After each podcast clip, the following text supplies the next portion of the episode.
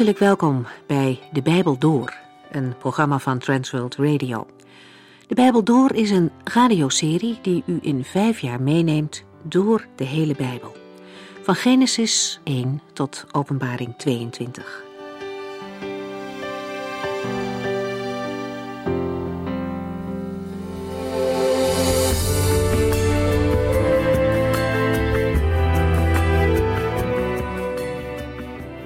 We lezen in deze serie in de profetie van Haggai.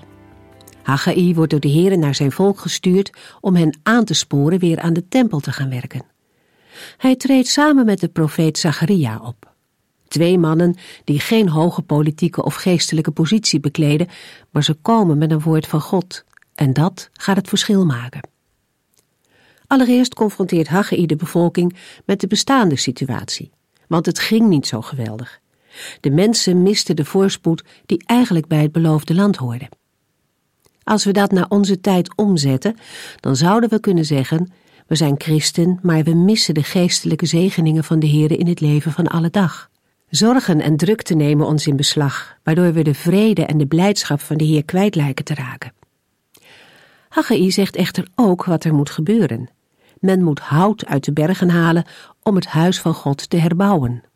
De mensen moeten omhoog, materiaal halen en dan eerst bezig zijn met de dingen van God. Soms hebben we het nodig dat iemand ons weer wijst op de prioriteiten in ons leven.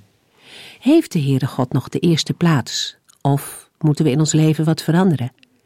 Is het misschien tijd om figuurlijk gezien de berg op te gaan en hout te halen?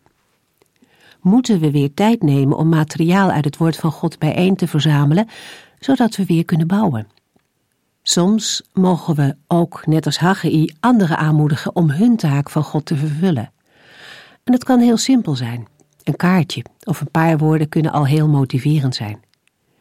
Werkers in het Koninkrijk van God kunnen ook vermoeid, ontmoedigd of teleurgesteld raken.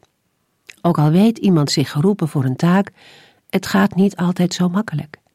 En dan kan het goed zijn als een ander een woord van bemoediging heeft. Dat kan helpen om weer met nieuwe moed verder te gaan. We gaan lezen uit Haggai.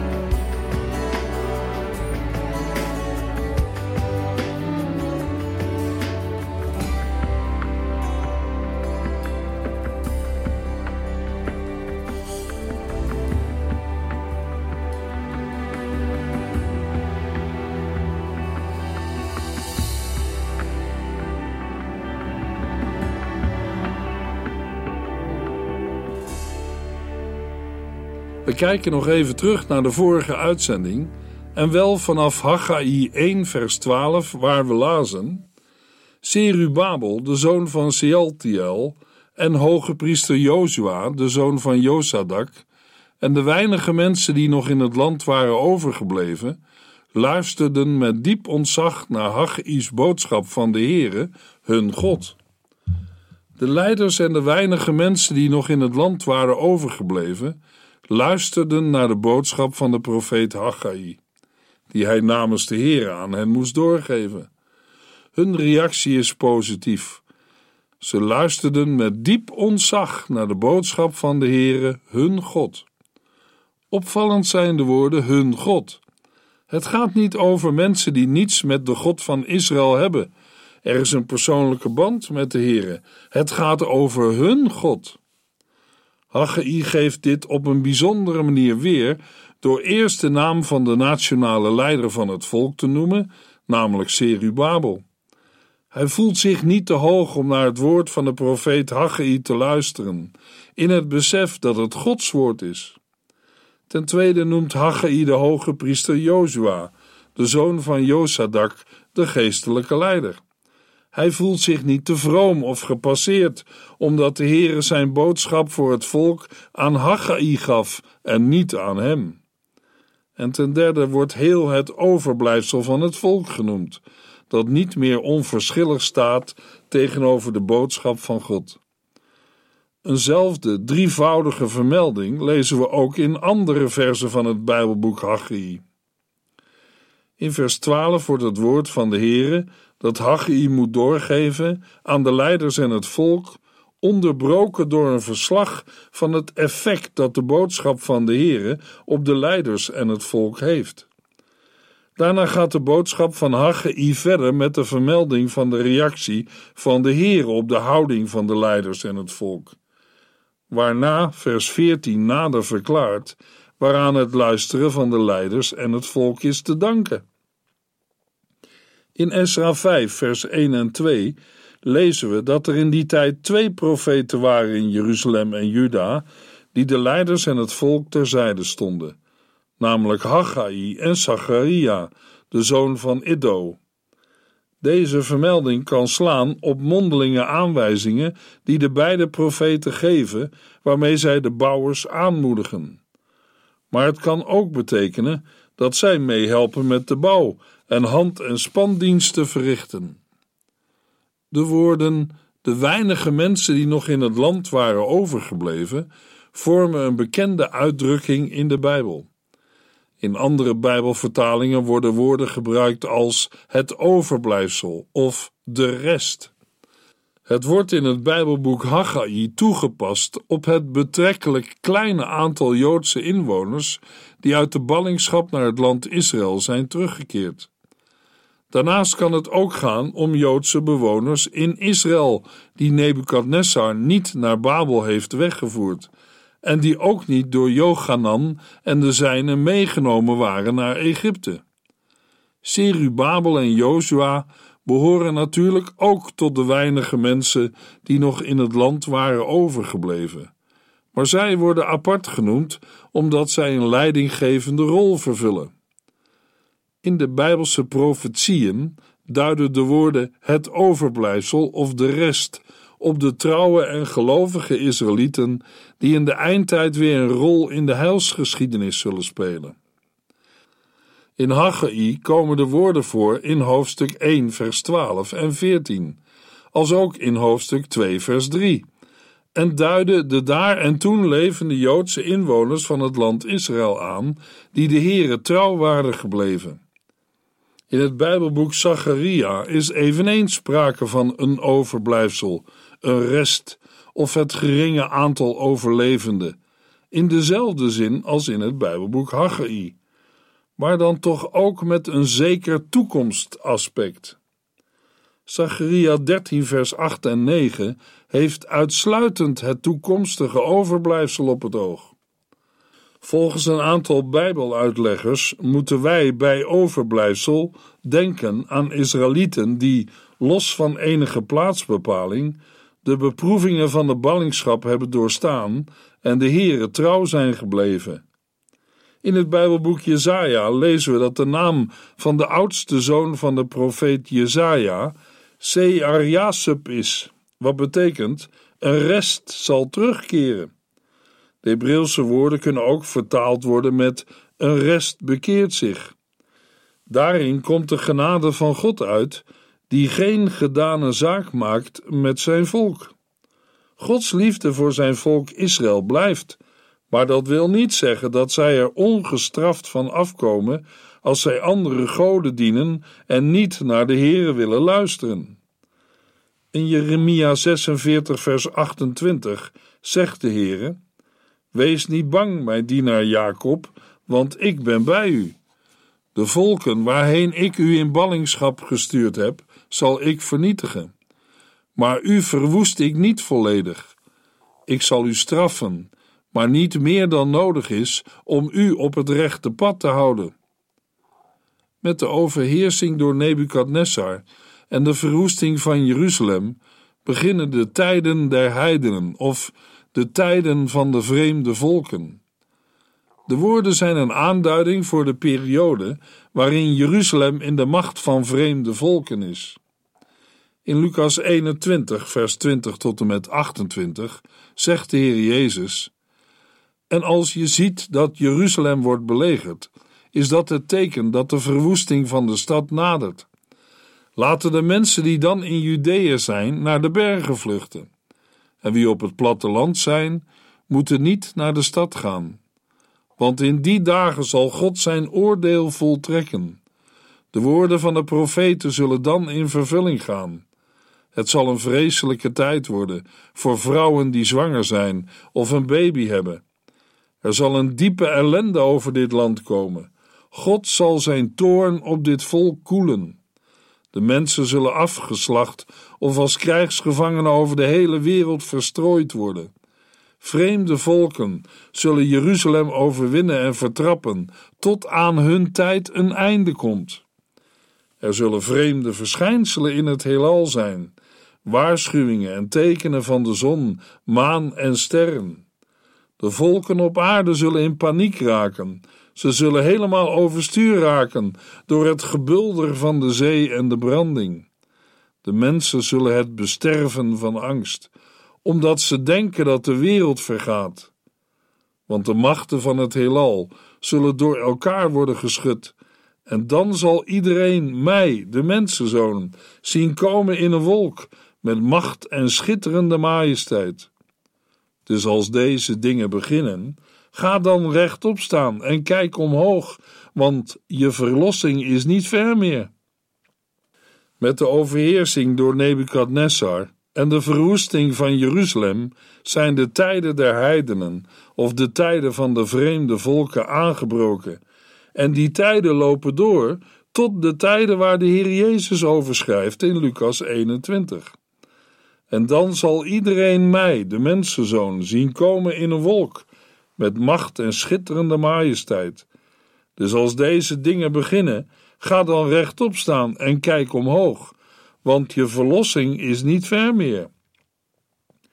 Jeruzalem is even vrij geweest in de tijd van de Maccabeeën, en het kent ook in onze tijd een zekere vrijheid. Maar de dreiging is er voor Israël nog steeds, en een definitieve vrijheid en veiligheid is er niet. In de toekomst, in de tijd van de grote verdrukking, zal Jeruzalem nog eens 42 maanden vertrapt worden door het beest uit de onderwereld. De tijden van de vreemde volken lopen namelijk door totdat Sion of Jeruzalem definitief bevrijd zullen worden bij de verschijning van haar Messias, Jezus Christus. Hij zal het beest en de valse profeet vernietigen en daarna zijn koninkrijk oprichten. Gedurende de tijden van de vreemde volken ligt volgens Hosea 1 vers 9 het vonnis van Lo-Ami, niet mijn volk, op het volk Israël. Dat vonnis is met de terugkeer uit de ballingschap niet opgeheven. Toch betekent het niet dat de Heere totaal niets meer met zijn volk te maken wil hebben. Maar de Heere ontfermt zich niet over het volk als geheel, maar over een overblijfsel, een rest. Haggai schrijft in vers 12: Serubabel, de zoon van Sealtiel, en hoge priester Jozua, de zoon van Josadak, en de weinige mensen die nog in het land waren overgebleven, luisterden met diep ontzag naar Haggai's boodschap van de Heere, hun God.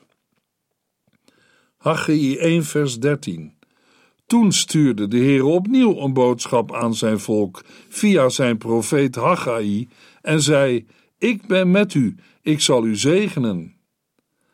Nadat de leiders en het volk de boodschap van de Heere hadden gehoord en begrepen, komen zij tot inkeer en beseffen dat de Heere gelijk heeft. Ze hebben Gods huis in puin laten liggen en waren druk met zichzelf en hun eigen huis. Wil de Heere met zo'n volk nog wel verder? Vers 13 geeft daarop een antwoord. Haggai mag er het volk mee troosten. Ik ben met u, ik zal u zegenen. Daarmee is de zichtbare situatie niet anders geworden. De tempel is nog steeds een puinhoop, maar het hart van het volk is veranderd. De Heere zegt: Ik ben met u, ik zal u zegenen. Dan gaat er ook iets gebeuren. Haggai 1, vers 14 en 15. En de Heere van de hemelse legers gaf Serubabel, Jozua en de weinige mensen die nog in het land waren, het verlangen in het hart om zijn tempel te herbouwen. Zij begonnen het werk op de 24ste dag van die zesde maand, in het tweede regeringsjaar van koning Darius. Uit deze woorden blijkt de werkelijke verandering van het volk. En dat komt niet omdat de Israëlieten zo geweldig zijn, maar omdat de Heere het verlangen in het hart heeft gegeven. Het verlangen om de tempel in Jeruzalem te herbouwen. Haggai 2 vers 1 en 2 Op de 21ste dag van de zevende maand in datzelfde jaar sprak de Heere weer tegen zijn volk door middel van de profeet Haggai. Als de Heere zo door zijn woord en geest werkt, dan gaat dat ook blijken. Binnen enkele weken, op de 24ste van diezelfde maand, zo lazen we in Haggai 1 vers 15, is Israël aan de herbouw van de tempel begonnen. Aangemoedigd door het woord van de Heere waren de uit Babel teruggekeerde ballingen aan de slag gegaan om het huis van God, de tempel in Jeruzalem, te herbouwen. En terwijl er liederen klonken bij het puinruimen op het tempelplein en bij het houthakken op de berghellingen rond de stad, denken we aan de woorden van Psalm 147, vers 1 tot en met 3. Prijs de Heere, het is goed psalmen te zingen voor onze God. Ja, dat klinkt mooi en een loflied komt hem ook toe. De Heere bouwt Jeruzalem weer op en brengt de ballingen terug naar Israël. Mensen met een gebroken hart vinden bij hem genezing. Hij heelt alle wonden. De weinige mensen die nog in het land waren overgebleven, hadden weer moed gevat door de woorden van de Heere: Ik ben met u, ik zal u zegenen. Maar helaas, het enthousiasme had niet lang geduurd. Ruim drie weken na de woorden van de Heere, bij monden van de profeet Haggai, was het werk ten volle begonnen. Maar nu, alweer een kleine maand verder, op de 21ste van de zevende maand van het tweede jaar van Darius, volgens onze jaartelling 17 oktober in het jaar 520 voor Christus, is de moed bij de teruggekeerde ballingen alweer behoorlijk in de schoenen gezakt. Als Haggai op die dag op het tempelplein komt, ontmoet hij ontmoedigde bouwers. De leiders en het volk zien het eigenlijk niet meer zitten. Op zichzelf is dat best te begrijpen. Het is immers de zevende maand. Dat is de maand waarin destijds koning Salomo de eerste tempel had ingewijd. En als zij tussen de puinhopen waar ze werkten terugdachten aan die tempel, dan werden ze verdrietig. Bovendien, de 21ste van de zevende maand is de laatste dag van het laatste grote feest in Israël, namelijk van het Loofhuttenfeest. Dat Loofhuttenfeest was onder normale omstandigheden het grootste en meest blijde feest. Om te beginnen was het een dankfeest voor de oogst die de Heer aan zijn volk had gegeven. Dan stond Israël erbij stil hoe God zijn volk zegende met overvloed. Daarbij dachten ze dankbaar terug aan de verlossing uit Egypte, aan de hulp in de woestijn en aan het feit dat de Heere hun dit land had gegeven om er te wonen, een land overvloeiende van melk en honing. In de derde plaats zagen de Israëlieten op het Loofhuttenfeest uit naar de machtige heilstijd die zou aanbreken met de komst van de Messias, als de Heere voor eeuwig te midden van zijn volk zou wonen. Het Loofhuttenfeest was ook een feest waarbij het volk de grote daden van de Heere gedenkt in verleden, heden en toekomst. Het is daarom ook niet toevallig dat we in het laatste Bijbelboek, Openbaring, tal van herinneringen vinden aan dit grote oud-testamentische feest. Het Loofhuttenfeest heeft nog geen nieuwtestamentische vervulling gekregen, zoals dat wel is gebeurd met het Joodse paasfeest en het Pinksterfeest. Het grote Loofhuttenfeest breekt aan als de Heer Jezus komt en zijn woonplaats zal opslaan bij de mensen. In het bijzonder op de laatste dag van het Loofhuttenfeest, het hoogtepunt van het feest, was er grote blijheid. Dan kwam het hele volk samen op het tempelplein en droegen de priesters grote kruiken met water, die als een teken van overvloed en van leven werden uitgegoten op het tempelplein. Dan klonken de woorden uit Jesaja 12, vers 2 en 3. Kijk, God is gekomen om mij te redden.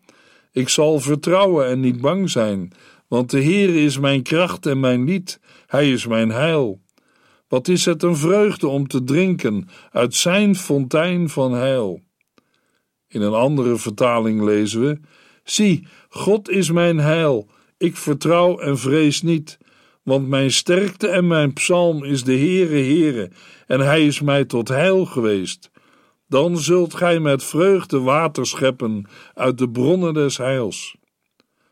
Op die dag kende de blijdschap geen grenzen meer. En terwijl het water op het tempelplein werd uitgegoten, juichte het volk voor het aangezicht van de Heere. Maar in de tijd van Haggai, op de 21ste dag van de zevende maand in datzelfde jaar, het tweede regeringsjaar van koning Darius, is die blijdschap ver te zoeken. Menselijk gesproken is dat geen wonder. Van overvloed is geen sprake, en de oogst is grotendeels mislukt. En al wonen ze weer in het beloofde land, gezien de politieke situatie, is het moeilijk vol te houden dat Israël opnieuw in vrijheid woont. En de Heere? Waarschijnlijk hebben de Israëlieten de grootste moeite met God op dit loofhuttenfeest. Want zou de Heere nu echt weer in hun midden willen wonen en zijn volle genade willen betonen aan zijn volk? Als ze daaraan denken en kijken naar de plaats waar de tempel moet herrijzen, als ze denken aan het materiaal dat ze voor die tempel samen hebben gebracht, dan schudden ze hun hoofd en denken of zeggen: Dit kan niet veel worden. In zo'n huis, zo'n hut, wil de heilige God van Israël, de almachtige koning van hemel en aarde, toch niet wonen? We kunnen er maar beter mee ophouden. Op de dag waarop de blijdschap over de goedheid en de genade van de Heere op het hoogtepunt zou moeten zijn, ontmoet de profeet Haggai op het tempelplein alleen maar moedeloze mensen met verdrietige gezichten. En juist op die dag spreekt de Heere weer tegen de profeet Haggai. Zijn naam betekent de feestelijke of de feestvierende. Hij mag voor de tweede keer Gods woord laten horen. Haggai 2 vers 3 Haggai moest aan gouverneur Zerubabel en hoge priester Jozua en iedereen die was overgebleven in het land namens de Heere weer een vraag stellen. Opnieuw heeft de Heer een boodschap voor de leiders en het volk dat met de herbouw is begonnen. Ook nu wordt de profeet Haggai daarbij ingeschakeld. Ook nu moet hij zich met de boodschap van God tot de twee leiders en het volk richten. De aanleiding voor deze boodschap wordt niet meegedeeld. Toch laat die aanleiding zich wel afleiden uit de vragen die de Heer aan het volk stelt. De inhoud van de boodschap die Haggai moet overbrengen valt in drie delen uiteen. Het eerste deel is een oproep aan hen die de prachtige tempel van Salomo nog gekend hebben. Het gaat dan om de ouderen onder het volk, mensen van zo'n 70 jaar en ouder. De Heere stelt de vraag hoe zij aankijken tegen het huis van God zoals het er nu bij ligt. Het stelt nog niet veel voor. Het fundament is in 536 voor Christus wel gelegd, maar is daarna verder niets meer gebeurd. Alles is 16 jaar lang aan zijn lot overgelaten. De herbouw heeft al die tijd stilgelegen. In Esra 3, vers 12 lezen we iets dat met het gedeelte uit Haggai 2 overeenkomt en dat mogelijk licht op de situatie kan werpen. We lezen in Esra 3, vers 10 tot en met 13. Toen de bouwlieden klaar waren met de fundering van de tempel, trokken de priesters hun priesterkleding aan en bliezen op trompetten. Asafs nakomelingen, ook levieten, sloegen de bekkens en prezen de Heere. Dit gebeurde volgens de voorschriften van koning David. In beurtzang zongen zij lofliederen voor de Heere. Hij is goed en zijn goedheid en trouw aan Israël zullen blijven tot in eeuwigheid, klonk het. Het hele volk begon luid te juichen en loofde de Heere, omdat de fundamenten van de tempel waren gelegd. Maar er waren ook veel oudere priesters, levieten en familiehoofden aanwezig, die de vroegere tempel in al zijn glorie hadden gekend. Zij huilden luid bij het zien van de fundamenten, terwijl anderen het uitjubelden van vreugde. Huilen en juichen klonken door elkaar. Het geluid was tot in de verre omtrek te horen. Esra 3 verplaatst ons naar het jaar 536 voor Christus. Toen leefden er veel meer Israëlieten die zich de eerste tempel nog konden herinneren. Daartoe moesten ze in die tijd wel 55 jaar of ouder zijn geweest. We lezen over hen in Ezra 3 dat zij luid huilden bij het zien van de fundamenten. Als een mens ouder wordt, heeft hij of zij meer de neiging om terug te kijken en te vertellen over dingen die in het verleden zijn gebeurd. Niet voor niets horen we ouderen vertellen over die goede oude tijd. Mensen die jonger zijn, voegen daar wel eens ironisch de woorden aan toe: toen onze ouders het zo slecht hadden. Daaraan zien we dat jongeren vaak in de toekomst leven. Dat was in het jaar 536 voor Christus ook het geval. De jongeren juichten bij het zien van het herstel van het fundament van de tempel, terwijl ouderen juist huilden, omdat zij zich de tempel van vroeger herinnerden. Kennelijk leeft bij de oudere generatie in de dagen van Haggai eenzelfde gevoelen als bij de generatie in 536 voor Christus. De Heer heeft de gemoedstoestand van deze ouderen opgemerkt en geeft hun gedachten weer met de woorden: Was de oude tempel niet prachtig? Maar wat vindt u er nu van? Maar daarover meer in de volgende uitzending.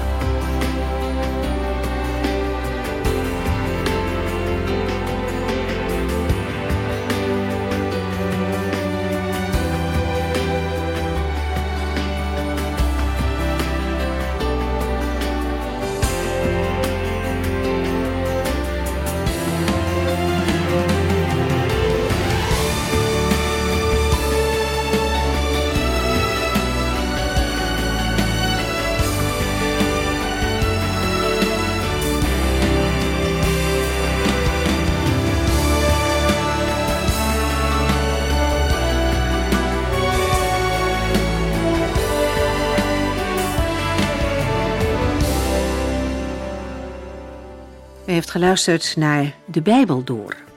In het Nederlands vertaald en bewerkt door Transworld Radio. Een programma waarin we in vijf jaar tijd de hele Bijbel doorgaan. Als u wilt reageren op deze uitzending of u heeft vragen, dan kunt u contact met ons opnemen. Tijdens kantooruren kunt u bellen op 0342 47 8432. 0342 47 8432. 32. Ook kunt u een e-mail sturen naar de Bijbel door transworldradio.nl en natuurlijk kunt u ook via de post ons bereiken. TWR, postbus 371, postcode 3770, AJ in Barneveld. Dit programma werd gepresenteerd door Corweda en Ike André. Techniek was in handen van Odin van Woerdenkom. En namens ons allemaal bedanken we u van harte voor het luisteren.